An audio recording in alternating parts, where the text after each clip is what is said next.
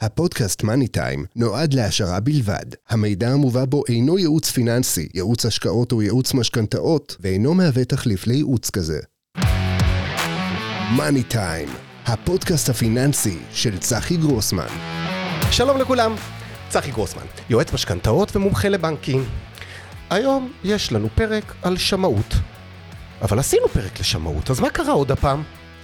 אז אני חושב שנושא השמאות הוא נושא קריטי, זה אחת מהשיחות הכי חזקות שיש היום בבתים. מה יקרה למחירי הנדל"ן? מה יקרה עוד רגע המחירים ירדו, או לא ירדו? אז אחד השמאים היותר בכירים שאני מכיר, קוראים לו אוהד דנוס. אוהד היה בעברו יושב ראש לשכת השמאים בישראל, ואני מכיר אותו מהיכרותי בטלוויזיה. אנחנו נפגשים מדי פעם ומשתתפים בפאנלים, וחשבתי שיהיה נכון להביא לכם את הערך המוסף הזה.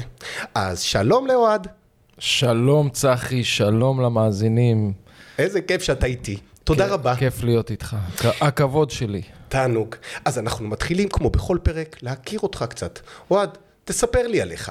את המסע הזה שלי בתחום השמאות מקרקעין התחלתי כבר בגיל 12, אבא שלי הוא מוותיקי השמאים בארץ, הוא עדיין שמאי פעיל, אגב, הוא פה בחדר ליד עובד. וואו, אבא שלך איתך במשרד. כן, הוא עובד מדהים. במשרד, אני איתו במשרד. אוקיי, זה שלו קודם כל.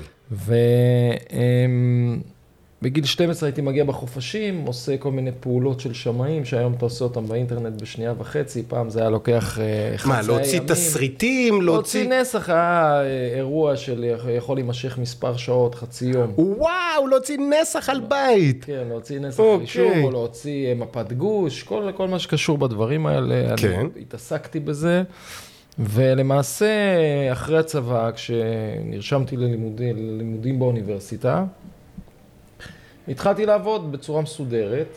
אה, למדתי תואר ראשון במדע המדינה, שזה פוליטיקה, ואחרי זה למדתי שמאות מקרקעין. ובס- בקורס בסוף- פרטי, לא קשור לאוניברסיטה. לא, לא, באוניברסיטה. באוניברסיטה. אה, כן, את השמאות. הייתה תוכנית, הייתה תוכנית באוניברסיטת תל אביב, למדתי שם. יפה. יצא שבסוף, כשנבחרתי לראשות הלשכה, באמת עסקתי בשני המקצועות שאותם למדתי. רגע, רצת מאוד לראשות הלשכה. שמאות. זה רץ הרבה שנים. כמה שנים היית שמאי אצל אבא במשרד עד כן, שהגעת עד, להיות? עד, עד למעשה, עד שנהייתי אה, יושב ראש, זה היה בשנת 2011, זאת אומרת, עבדתי מ-98, די הרבה שנים. די הרבה שנים, יפה. עכשיו, אמ, אני לא רוצה רגע לפוליטיקה, אבל קצת על הידע. מה צריך ללמוד שמאי? את הספרים או את השטח? אה, כמו בכל מקצוע, גם וגם. אתה יודע, אם הייתי הולך לקורס יועצי משכנתאות, כן. הייתי מקבל הרבה תיאוריה, ואז הייתי מגיע לעבודה, לשטח. והייתי מגלה שזה הכל אחרת. נכון לעשות מאוד. עוד דברים. אז, אז מה שקורה ב, אה, במקצוע הזה, שהוא מקצוע מולטי-דיסציפלינרי, למעשה, מה זה שמאות מקרקעין? אתה שואב מכל התורות הקיימות. אתה לומד קצת מדידות, ואתה לא, קצת הרבה, אתה לומד הנדסת בניין, אתה לומד תכנון ובנייה, אה, אתה לומד כלכלה עירונית, אתה לומד הרבה מאוד תחומים, משפט, כל מה שקשור בדברים האלה, ובסוף הכל מתחבר לך לחוות דעת מקצועיות שאתה מוציא בתור שמאי. יש כמובן גם תורה שמאית סדורה לגבי איך עושים את הדברים, הכל יפה. נמצא, הכל, גם הכל היום, גם הכל פתוח לציבור, אתה יודע, אני לא יודע אם אפשר ללמוד זה שזה באינטרנט, פתוח, אבל שמאות, גם אי אפשר ללמוד באינטרנט, אבל אפשר ללמוד הרבה מאוד דברים. אבל זה אחד המקצועות היותר קשים ללמוד אותם, תתקן אותי. תראה, המקצוע הוא לא מקצוע קל, אבל אני חושב שהוא מקצוע שניתן אה, אה, ללמוד אותו, ניתן להתמקצע בו, ניתן להיות בו טוב. אתה צריך את ה basics שלדעתי אתה צריך אותם כמעט בכל מקצוע. אתה צריך להיות יסודי, מאוד. אתה צריך להיות אה, אה, שקדן, אתה צריך להיות מתודי, ואתה צריך להיות אינטליגנט, שזה הופך שזה- כל שמאי לשמאי טוב. לחלוטין. ולכן, אתה מבחינתך, שהצטרפת למשרד של אבא, הייתם רק אתם, או הבאתם עוד הרבה שמאים מתחת? עסקתם אה, רק אנחנו משהו לא- ביתי? אז, אז זהו, זה לא ביתי, זה חברה שיש בה עוד שמאים, יש לי שותף, ירון להט, שהוא אה, שמאי, הוא לא, הוא לא אה. במשפחה, יפה. ויש לנו פה עובדים, ו... אבל משרדי שמאים הם בדרך כלל, מרבית השמאים בארץ עובדים לבד בכלל. לבד. כן, כמו שיש הרבה יוצאי משכנתאות שעובדים לבד. כן. גם בשמאים. רובם? כן, הרוב עובדים לבד, אני לא, כמה יועצי משכנתאות יש? יש כ-1,300 רשומים בהתאחדות. אז, אז משהו כזה, פעילים בשמאות, אה. כן, אולי קצת יותר. למרות שמתוך הרשימות של הבנקים שבהם אני רואה, הרשימה יחסית מצומצמת. כן, רשימות הבנקים, שאתה מחבר את כולן, אתה מגיע לכמה מאות, שיש שם לא מעט כפילויות, שמאים שזה ההתמחות שלהם, זה מה שהם עושים, הם עובדים, עושים הרבה שומות למשכנתאות, הם נמצאים בכמעט כל הבנקים, כי יש יתרון בללכת אה, ולעבוד בזה, כשאתה יודע שהשומה, בטח אם אני לקוח, יכולה לעבור גם לבנק אחר. נכון. הסבה פשוטה יחסית. היום החוק מאפשר את זה בקלילות רבה יותר כן. להעביר בין, כן, אה, בהחלט. בין אז- בנק לבנק. אז, אז כל הדבר הזה הוא, הוא, הוא, אצל שמאים הוא לא גדול, משרדים הם לא גדולים, זאת אומרת, משרד גדול הוא משרד של 10-15 עובדים, אה, למעט, יש פה חריג אחד, יש משרדים שעושים ליוויים פיננסיים, ושם כבר יש להם, הם עתירי עבודה, אה, הם עתירי כוח אדם. ואז הם צריכים, אם אתה מלווה 100 פרויקטים או 150 פרויקטים, אתה מחזיק עוד הרבה מאוד כוח אדם, אבל אז לא כולו צריך להיות שמאים. יכולים להיות גם הנדסאי בניין, מהנדסים, דברים כאלה. הבנתי. שהם עושים ליווי, ליווי לפרויקטים. אז הדבר הראשון שכל אימא, כל אבא, כל אחד שמתקשר אליי אומר לי, צחי, יש לי ילד. והוא רוצה לקנות דירה, ואני לא יודע מה לעשות. מה להגיד לו? בטלוויזיה אומרים ירד, הריבית נשמעת יקרה, אני לא יודע מה לעשות. הבן אדם בן 30, התחתן, זוג צעיר, 400 אלף שקל, להמתין? ירד? אני לא, אני לא נביא, ואני מתאר לעצמי שגם אתה לא עברת קורס נבואה. לא. אבל בואו ננסה ביחד לענות על השאלה. תראה, זו שאלה מאוד מסובכת. אם תרצה, זו שאלת ה-2 מיליון שקל היום, לפחות. המחיר ממוצע של דירה בישראל. נכון. תראה, צריך לקחת בחשבון מספר מרכיבים, וגם את הצרכים. אתה יודע, אנחנו הולכים לתקשורת, אתה ואני, אנחנו מדברים שם, יש לנו זמן קצוב, מדברים קצר, מדברים הרבה פעמים בסיסמאות, כי מה שחשוב שיעבור לציבור זה... המסר. בדיוק. אז כאן אנחנו נמצאים באיזשהו, אה, יש לנו קצת יותר זמן, אבל צריך לקחת בחשבון שלא, הצרכים של כל אחד הוא משת, משתנים משל השני. מה זה, מה זה ילדים שלי? יש לי ילדה בת 32, יש לי בן בן 27. ברור לך שאם אחד מהם שואל אותי לקנות דירה, כן. אז הוא יקבל סריה של שאלות מקדימות אה, לפני מתן ההמלצה. אבל בוא אני אהיה קשוח איתך. הם כן. גרים בשכירות היום. כן. משלמים שניהם, אגב. 5,000 שקל, 6,000 שקל בקלות. יותר, בחודש. אנחנו בתל אביב. בתל אה, אביב זה 9,000, 10,000, אני מדבר ראשון לציון. משלמים 7,000 שקל לחודש. והוא אומר לי, צחי, משכנתה, נותן להם 400,000, דירה מיליון 600, הם יקנו בדרום, לא. יקנו בנתיבות. אז זהו, אז בוא, עכשיו בוא נעשה סדר. בוא, אז בוא ננסה לייצר בתשובה איזה שהם עקרונות שכולם יוכלו להשתמש בהם. מקסים. בסדר? קדימה. קודם כל, עיקרון ראשון זה אל תקנה דירה להשקעה. היום, בימים דירה אלה. להשקעה, בתור בן אדם צעיר שאין לו, שלא גר בבית, נכון. לא איזה משקיע סולידי או שונא סיכון, אין לך מה לקנות דירה. לא בנתיבות, לא בשדרות, לא בירוחם, אומרים לו 400 אלף, 100 אלף, יש כל מיני לא, משווקים כאלה לא. שמנסים למכור דירות קטנות. לא לקנות כרגע ב, ב, להשקעה, אם אתה נטול דירה, אתה מחוסר דיור, אל תקנה דירה להשקעה. בגלל זה, זו אחת הסיבות אגב שאנחנו לא אוהבים את מבצעי מחיר למשתכן בפריפריה, כי המון שם הלכו והפכו אותם למשקיעים. למשקיעים נדל"ן, נכון מאוד. עכשיו, מה הבעיה? הבעיה היא שכמו שאתה יכול לקנות בזול בפריפריה, אבל אתה רוצה לגור איפה שהפרנסה שלך, בדיוק. כן? אז כולם חושבים ככה. אז כשאתה רוכש את אותה דירה, ואתה עכשיו בא אה, ורוצה להשכיר אותה, כי אתה פה נלחם על כל מטר רבוע, כן. אז אתה בבעיה. כי להשכיר את הדירה שלך לוקח לך הרבה זמן, קשה לך ואתה צריך להתפשר. כן. לשכור דירה, אתה כבר בתחרות מאוד מאוד קשה ואתה משלם כנראה יותר. וזו הבעיה של הרבה מאוד אה, זוגות צעירים, מחוסרי דיור, אה, אה, זכאי מחיר למשתכן וההגרלות השונות, שהם הלכו וקנו בפריפריה והיום הדירות שלהם עומדות ריקות.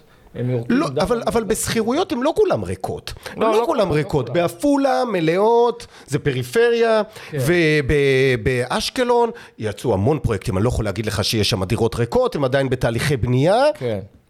אבל אתה חושב ששנה הבאה יהיה זול יותר מהשנה? אני... כי בגלל זה אנחנו אומרים להם לא לקנות כן. להשקעה? כן, קודם כל צריך להבין, היום על הכסף שלך בבנק אתה יכול לקבל ריבית אה, יפה מאוד, הרבה יותר מהתשואה שתוציא לך דירה. נכון מאוד. כאשר בעבר, כשזה היה, כשזה התקרב, עדיין היה את העליית ערך ההונית שיכולת להרוויח אותה, והיום נכון. היא לא בטוחה בכלל. כרגע אנחנו נמצאים באיזשהו מצב מאוד מאוד בעייתי, מצד אחד עליות ריבית, אנחנו נמצאים כבר ב... אה, בעלייה תשיעית, אנחנו נמצאים בפריים שישה אחוזים, וכנראה ב-20 במאי יעלה עוד פעם כנראה. יפה, ו- ומול זה, ו- ו- ולמעשה זה למעשה המניע הראשון האמיתי מזה אה, יותר מעשור, שלא לי, של, ש- שאומר לך אל תקנה. כי בעבר זה היה הבטחות וסיפורים. נכון. והיום זה כבר משהו שהוא מאוד מאוד אה, תחרותי. כן? הריבית מתחרה עם התשואה. עם התשואה של הפיקדון שאני יכול להשיג. בדיוק. אז זה דבר ראשון. אז הייתי באמת לא ממליץ למישהו ללכת היום לעשות השקעות בנדל"ן במרכאות, לקנות דירות. אה, זולות ולגור במקום אחר. ולגור במקום יקר, זה אה, מתכון, מתכון בעייתי מאוד. האופציה, העיקרון השני, זה תבדוק את הסביבה. אתה יודע, יש סביבה שיש בה המון בנייה. לא משנה מרכז פריפריה. אם אתה הולך לשכונות חדשות, בשולי הערים, שזה מה שיש היום, ואתה רואה שבונים שם המון, כן. ברור לך שהמחירים לא חייבים בהכרח לעלות, ויכול להיות שהם אפילו ירדו, ככל שאתה מתרחק יותר, גם הפוטנציאל של הירידה יותר גדול. כלומר, לדוגמה, בימים אלה באשקלון יש בנייה מסיבית מאוד. בסדר. ממחיר למשתכן, וגם פרויקטים במקביל. יפה. זאת אומרת שהעיר הזאת כנראה לא תחווה עליית מחיר. אני, תשמע, אשקלון ואשדוד הם ערים אה, מאוד מיוחדות, יש שם כמות עסקאות מטורפת. וואלה. לא בכלל לגודל האוכלוסייה, יש שם המון המון... אה, משקיעים? מה? המון מה המון מגיע? תכונה, המון המון זרמים אה, תת-קרקעיים שעובדים שם, זה שנים כבר ככה. זה סוד גלוי. וואו. מי שעובד בענף יודע, לא סתם אתה רואה את כל הבנייה הזו שם. Mm-hmm. הרבה אנשים הולכים... אה, לאזור הזה. שם דירות, זה, זה מרכז, זה שולי, הפיר... זה שולי המרכז. זה זול יחסית, אתה יודע, ובין אשקלון לאשדוד גם יש פערים. אה, גדולים במחיר, נכון מאוד. 20% בערך, אבל עדיין, כאילו, עם שתיהן ערים, אה, ערים טובות, ו- ואתה כן רואה שם איזה שהם שינויים. Mm-hmm. זה למעשה הטיפ השלישי. שאומר, קח בחשבון שאין שוק נדל"ן אחד. כשאתה בא לאזור מסוים, תבדוק את השוק. תבדוק את השוק שם. אתה יודע, אתה רואה מקומות... זאת אומרת, יכול להיות הבדלים גדולים במחיר באותה עיר. נכון, יכולים להיות הבדלים גדולים במחיר בין ערים, באותה עיר, בין שכונות בעיר, אה, אה, בין רחובות, ואפילו בין צדדים של רחוב. כלומר היום אין דבר כזה, קניתי אני ארוויח ויהיה לי פצצה. נכון. לא, יכול להיות שגם אני אפול בעסקה. יכול להיות שגם תיפול בעסקה, הסבירות שתיפול ממש היא לא גבוהה, אבל זה תלוי בכמה דברים. קודם כל, במה תעשה הממשלה באופן כללי. Hmm. האם היא תשקיע בהיצע או לא. הדבר השני, האם היא, האם היא תשקיע בהיצע במקום שלך. מה זה להשקיע בהיצע? אם הקבלנים לא מצליחים למכור, הם לא ירצו לבנות. זה נכון. אף אחד לא, אף אחד לא ישחק, וזה מרים נכון לנו מאוד. לשיחה הבאה, הקבלנים. בואו נדבר על הפיל שבחדר. אם אני, אזרח קטן, לקחתי משכנתה והיא קפצה לי, מה קרה לקבלן הגדול שלקח? הלוואה ענקית על הקרקע. תראה, נחנק. אני חושב שהם יותר מוטרדים היום ממה שקורה למניות שלהם בבורסה, הקבלנים הגדולים. שנשחקו אה, בצורה דרמטית מתחילת השנה. וזה קורה כי מה? כי חושבים שהנכסים שלהם שווים פחות? הם, לא, הם פשוט יראו רווחים נמוכים יותר. רווחים נמוכים יותר. פשוט מגלם את זה כבר במחיר המניה. הבנתי, זה לא כתחזה, כתחזית, כי השוק צופה שיהיה ירידת מחירים חזקה, אז הנכסים של אותה חברה קבלנית שווים פחות מול ההתחייבויות. צחי, אני... אתה יודע, יש גם כאלה, אבל הרוב אה, גירדו כל כך הרבה דבש. כן? כן. כל כך בשבש ניגר, שכבר הוא התחיל לזול להם בצידי השפתיים. אז עמידות כלכלית יש להם. יש להם. כלכלי יש להם. אתה חושב ששוק הקבלנים בישראל הם חזקים? אני חושב שהם, הקבלנים הגדולים הם חזקים, אני חושב חברות שהם... הציבוריות. כן, וגם הבנקים לא ייתנו להם ליפול, אתה יודע, בתיק אשראי של מאות מיליארדים, כן, כן אנחנו בהחלט, אה, אנחנו בהחלט בשוק של מאות מיליארדים, אנחנו בהחלט אה, לא נמצאים אה, בבעיה. מאות מיליארדים של חשיפה לבנקים. זאת אומרת, הבנקים יש להם אינטרס לשמור, ושלא נטעה. מי שמקיים את שוק הדיור, מי שמנהל אותו בפועל, זה הבנקים. זה הבנקים. אתה צריך לדעת את זה. את זה אני. מרגיש, אני חייב להגיד לך משהו. אם אנחנו עברנו שנה מטלטלת כל כך, ושהריבית עלתה כל כך, אבל אם אתה תבדוק בממוצעים של הריביות, תגלה שהממוצעים לא כל כך קפצו. איך זה יכול להיות? כי זה קרה משני גורמים, קצת הבורסה קצת מאזנת, אבל הבנקים הורידו את הרווח שלהם. הם רוצים למכור בכל מחיר, כדי להמשיך לנפח את הווליום, ולכן הם היו מוכנים, גם פתאום במקום להרוויח אחוז וחצי, גם 0.2, 0.3 על תיק הם מוכנים לקחת. צחי, אתה עכשיו, עכשיו אתה תפגע במניות הבנקים. חס וחלילה, מבחינתי יש להם פול כזה גדול שהם מרוויחים כל כך הרבה כסף שהם ההפך, בימים כאלה קשים יכולים לבוא לעזור. זהו. אבל מי יעזור לקבלן? אמרת את הכל. הבנק יעזור לקבלן, כי זה עוזר לו, לא בגלל שהוא אוהב את הקבלן, או בגלל שהוא עובד איתו, הוא שותף שלו בעצם. ברגע שאני נותן מימון ליזם כזה או אחר, אני שותף שלו, ויש לי אינטרס שהוא ירוויח בסופו של דבר. זאת אומרת, זה המקום שאנחנו נמצאים בו. נכון, אבל בוא, אני רוצה סיטואציה. אחד הדברים הכי חזקים שדיברו עליהם בשנה או בשנתיים האחרונות, זה הייתה רכישת קרקע ענקית פה בתל אביב. תזכיר לי, אה, כן, בשדה דוב. בשדה דוב. כן. ברכישת קרקע הזאת השתתפו המון המון קבלנים. נכון. כולם התנפלו, קנו במחירים משוגעים. פסיכיים, אני, אני חושב, אם אני זוכר נכון, הדוחות אפס שלהם היו באפס רווח. כן. הם אפילו לא חזו רווח, אמרו, זה יתייקר, נרוויח כשיבנו. והיום כולם שם חטפו הלוואות מאוד מאוד קשות, והדבר הזה יכול לגרור קבלנים חזקים כלפי מטה. האם אתה חושב שזה יפגע במח... בפרויקט הזה?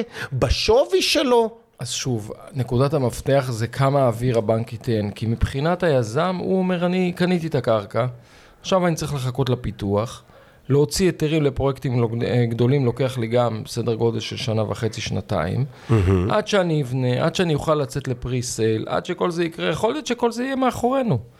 אתה מבין? כמה זמן עוד הריבית כלומר, הוא תישאר רוצה ברמה לקנות הזו שלה? חמצן, אתה רוצה לקנות זמן לשנה, שנתיים, כן, כדי לעבור אם את יש התקופה. לך את התקופה הזו, ויהיה לך את הבנק שיאפשר לך את הדבר הזה, אז אנחנו בהחלט אה, נראה אותם אה, שורדים, ואולי אפילו עושים עסקאות מצוינות, כי אתה יודע, זה מדהים לומר, אבל לפני חמש שנים חשבנו שאנחנו בשיא, ולפני ארבע שנים גם חשבנו שאנחנו בשיא. נכון מאוד. וככה אני יכול להגיד לך על כל שנה, שאמרנו, תשמע, המחירים זה טירוף, שאלו אותי מה לעשות, ואני הייתי אומר לאנשים, תקשיבו, אם אין לכם איפה לגור, תקנו דירה. אין לכם מה להתמהמה, הריבית הייתה אפסית. נכון, זה היה הדבר הנכון לעשות. נכון. אתה מבין? בדיעבד יצא שכל מי ששאל להמלצות, הרוויח בגדול. על הנייר. על הנייר. הוא הרוויח, ויש לו קורת גג. הוא משלם אולי משכנתה, זו אולי התייקרה לו. ואגב, אתם צריכים עכשיו אה, לעבוד מאוד קשה, כי נראה לי שאתם באיזשהו טירוף של אה, מחזורים ו... ו- לא, עדיין אפילו לא טירוף. לצערי הרב זה לא טירוף.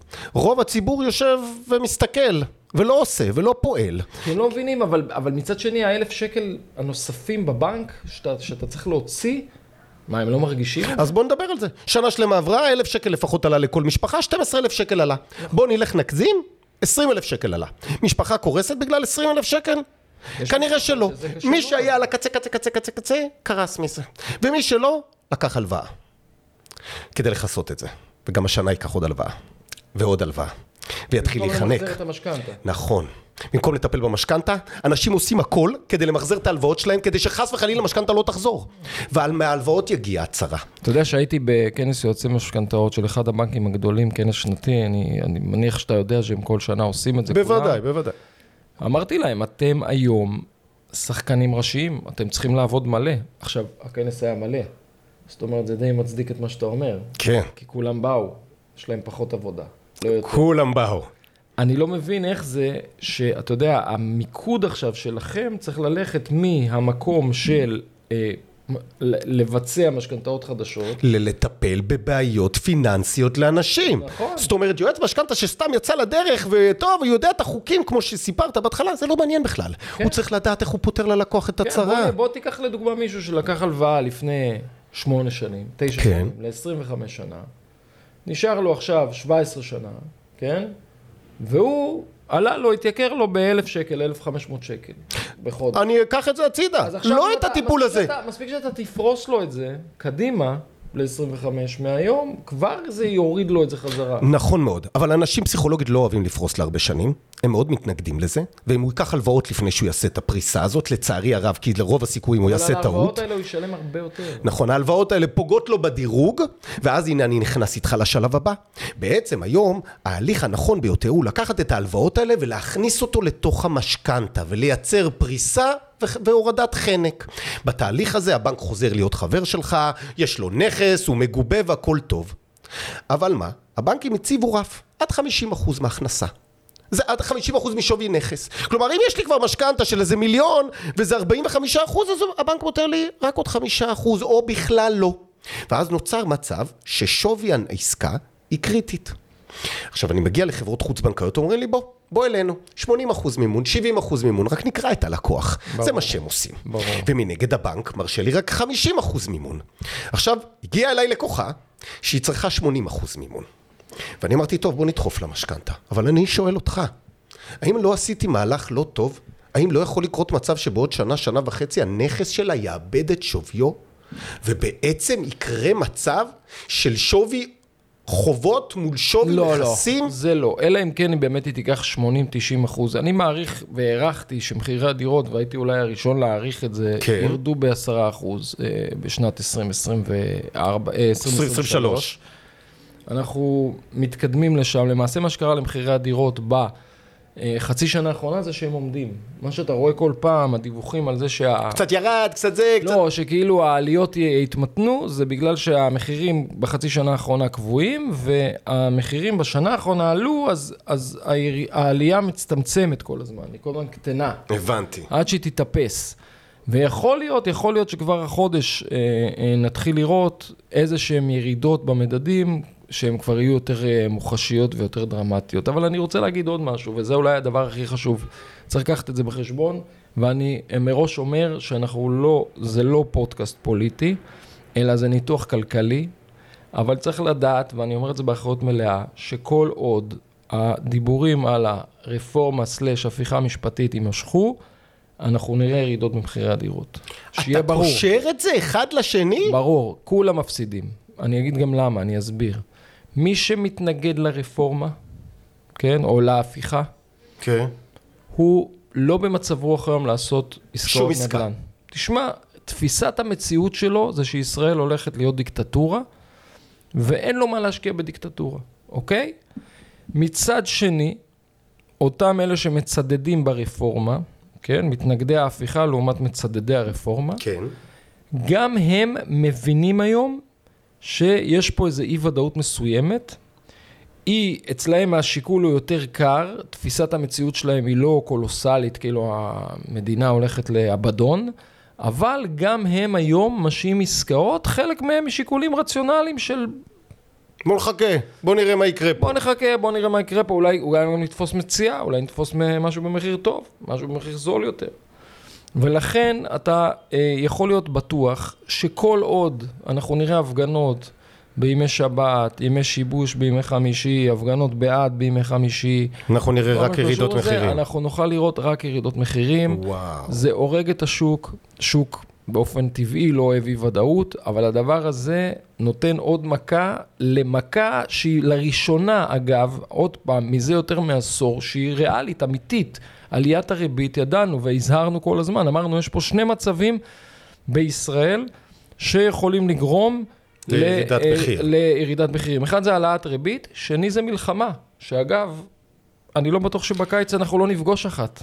אבל מלחמה למה שתוריד? היא תגרום לאנשים לברוח מפה? לא, מלחמה גורמת, תראה, אחרי מלחמות אנחנו יודעים שהמחירים תמיד עולים. נכון. יש מחסור וזה, אבל בתקופת המלחמה, ואם תהיה פה מלחמה עם מי שאני מעריך שתהיה פה מלחמה, זה תהיה מלחמה בשלט רחוק, אבל היא תעשה פה, אה, יכולה לעשות נזקים. פה הרבה נזקים, או הפוטנציאל נזק שלה הוא גדול, אז מן הסתם, אה, אה, אנחנו לא יודעים איך זה ישפיע.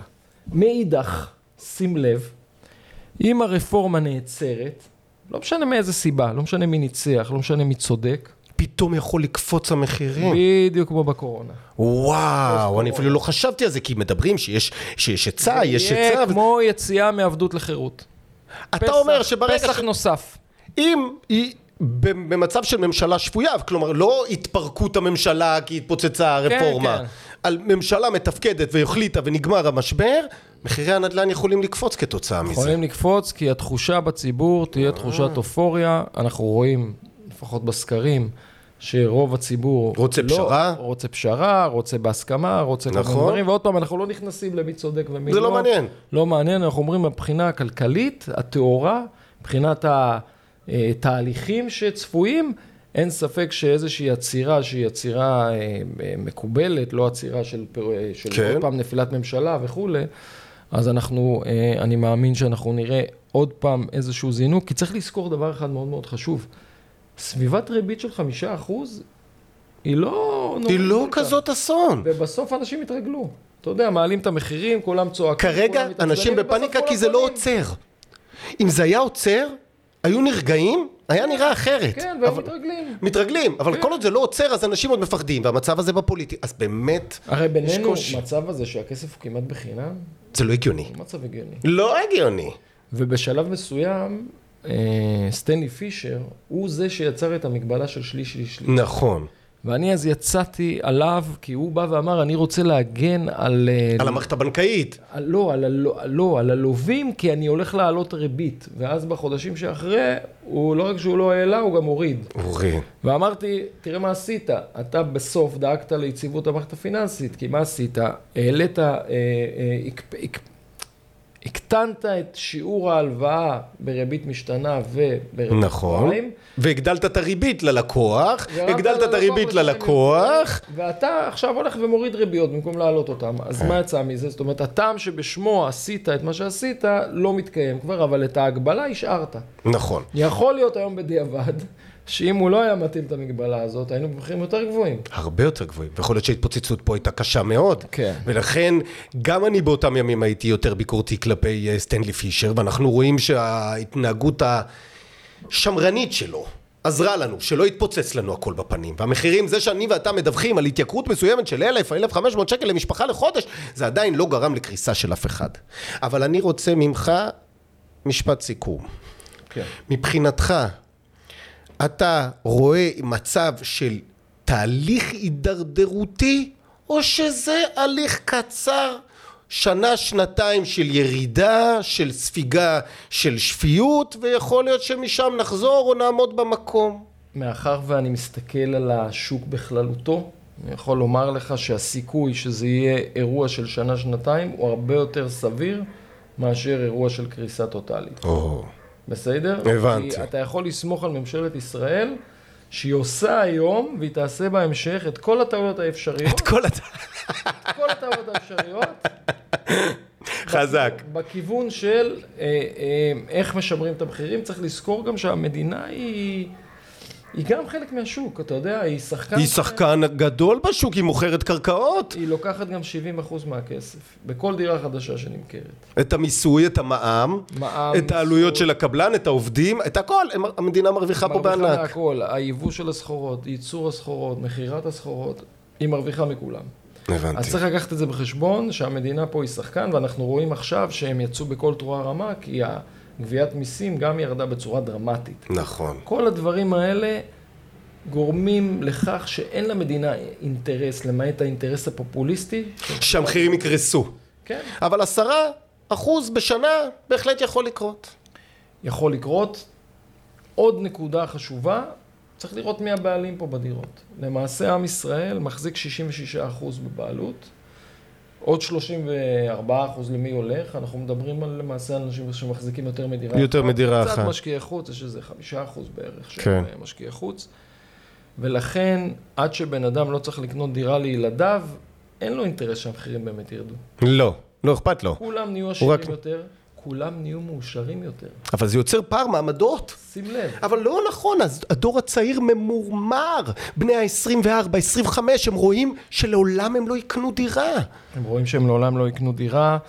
ו... אז הם ממורמרים. וזה באמת יקרה, ואתה יודע, ראיתי איזשהו מחקר שערורייתי שעשה בנק ישראל, הוא רצה הרי להסיר את האחריות שלו. לסיטואציה. מירידת המחירים ולסיטואציה בכללותה, והוא אמר שהוא בדק ב-40 מדינות בעולם, עשה מחקר השוואתי, ובכל המקומות שהעלו ריבית, מחירי הדירות לא ירדו. מה? רק מה שהוא שכח לומר... זה הדבר הכי בסיסי בכלכלה.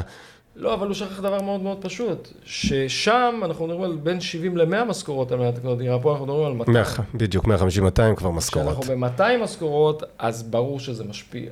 כי, כי ברור שקרה פה משהו, אה, הממשלה כשלה, למעשה... אבל כל לא- הממשלות, לא, אמרת- הייתה ממשלה אחת שלא כשלה? אמרת דבר נכון, היא לא בונה בעצם את הדירות, אבל היא כן אחראית על גורם ייצור עיקרי, שזה הקרקע, והיא לא יודעת איך לייצר קרקע באזורי ביקוש. אגב, זה מה ה- אני לדעתי הבעיה המרכז המרכזית, אין. תוכנית. אין תוכנית, אין כלום. או, יש מלא תוכניות. לא, לא, איפה אנחנו ב-2040? יש מלא תוכניות. 2040 עם עוד 30 ערים, עם תשתיות, עם- עם חזון. לא, אין, אין כסף. אין. חזון. אין כסף לכל זה. בוא, בוא, צריך, האמת חייבת להיאמר. אין כסף לכל זה. הממשלה אוהבת לחסוך. היא, היא חוסכת, היא חוסכת מיליארדים עכשיו, היא חוסכת מהגז, היא קרן העושר, היא חוסכת, היא חוסכת הרבה מאוד כסף. ופוליטיקאים מסתכלים קדימה בטווחים של... קצרים מאוד, ולא ארוכים. ארבע זה ארוך, היום שנה.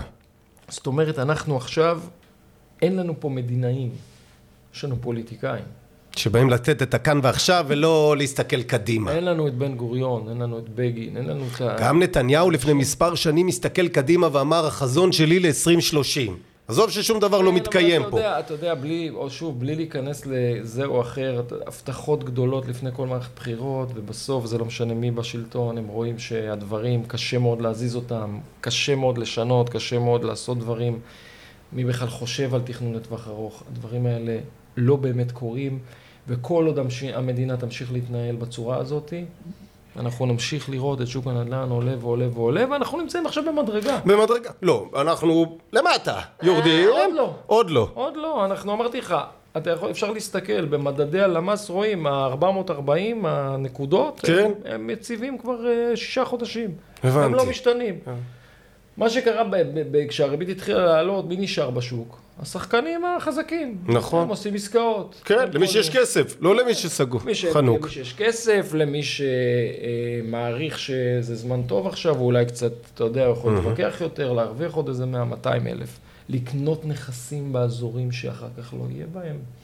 אתה יודע, אנשים עושים כל מיני, כל מיני דברים עוברים. תחשיבים. אחרים, כן. כן, הם, הם אומרים, אני רץ, אני רץ מרתון, אני לא אני לא רץ לסיבוב לעשות כסף על הנכס כן, עכשיו. אני קונה את זה עם כסף שאני לא צריך אותו, והוא יישאר לדיראון עולם במשפחה.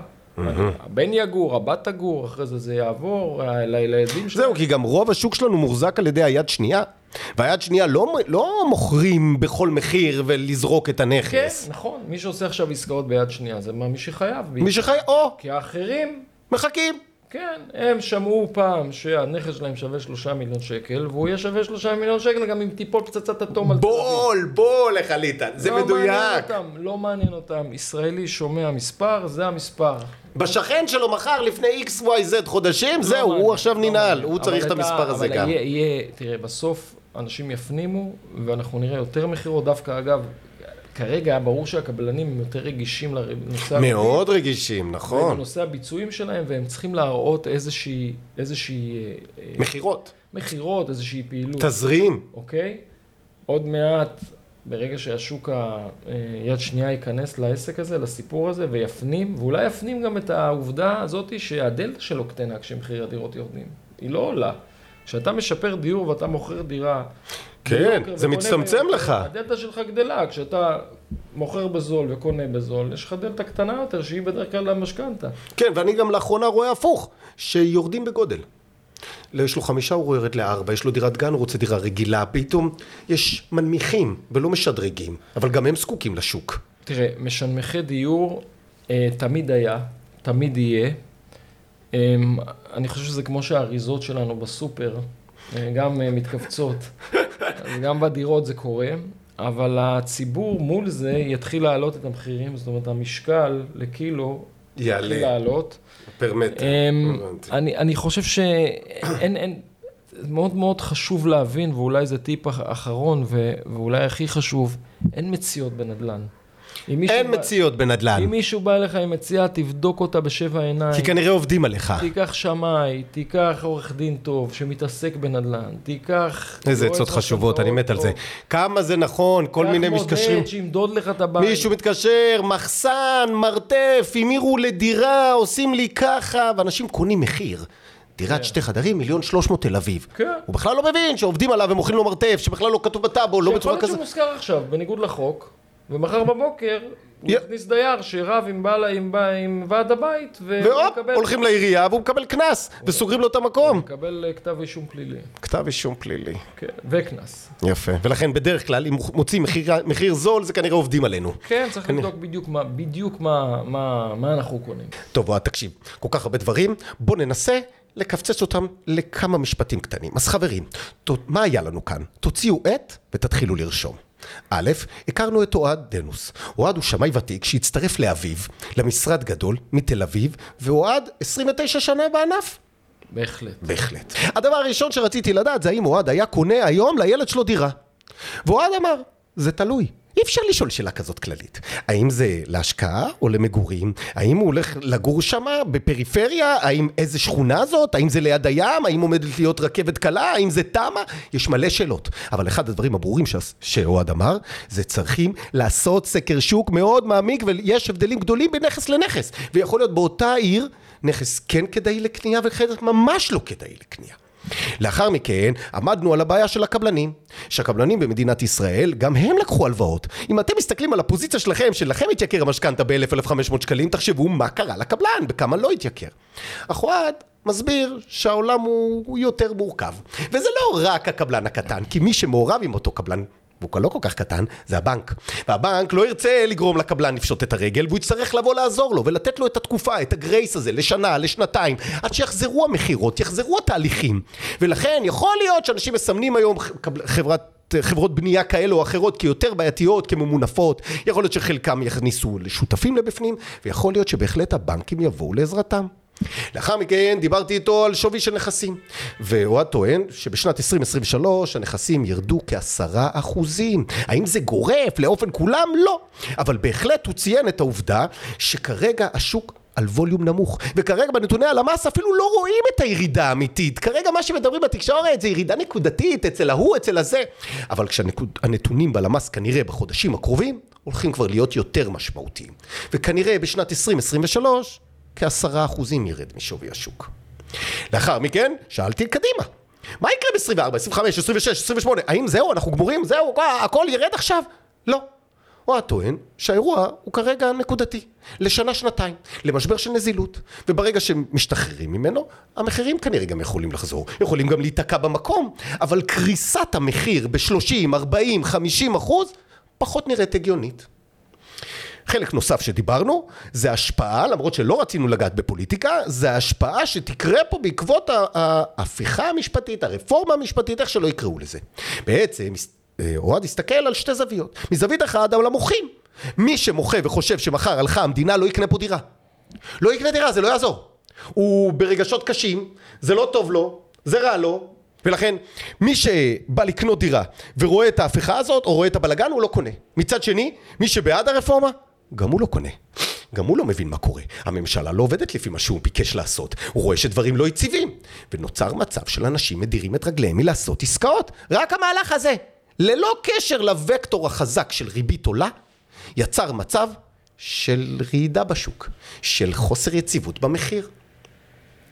ולכן, מכל הטעמים הללו, אנחנו נמצאים בתקופה יותר קשוחה בשוק הנדל"ן. שלא כל עסקה, וזה היה חשוב מאוד לאוהד להוסיף, לא כל עסקה היא טובה. ממש לא, יש עסקאות שיכולים שתפסידו את הכל. ולכן צריך לעשות סקר שוק מעמיק. ואם מציעים לכם עסקה זולה מדי, יש קאץ'. עובדים עליכם, מכניסים סיפור שהוא לא קשור לכלום, מוכרים לכם תמה שלא קיימת, מוכרים לכם מרתף במקום חנות. ולכן בימים אלה הסקר שוק נדרש עליכם הרבה יותר מעמיק ולקחת אנשי מקצוע איכותיים, בין אם זה שמאי, יועץ משכנתה או עורך דין חזק, שידע שלא יעבדו עליכם. אוהד, פספסתי משהו בסיכום? צחי, אני חייב להגיד לך שאני בהלם, אתה פשוט הקשבת לכל. זה היה לי חשוב מאוד, אתה מעניין רצח. אז האם היה משהו חשוב שפספסתי? לא, אני חושב שסיכמת את הדברים יפה מאוד. מקסים. אז חברים, אני מקווה שהיינו נעימים אליכם, ושהחומר שדיברנו עליו הוא מעניין, ואם יש שאלות, אני פה בשביל לענות לכם על כל דבר שרק תרצו. ואם צריך, גם אני אוכל להעביר לאוהד, אם יש שאלה ספציפית על חישוב מסוים או משהו, אני אעזור לנגישות לשאלות כלפיו. ואם לא, אנחנו ניפגש בפרק הבא. חברים, תודה רבה על הזמן שלכם. להתראות.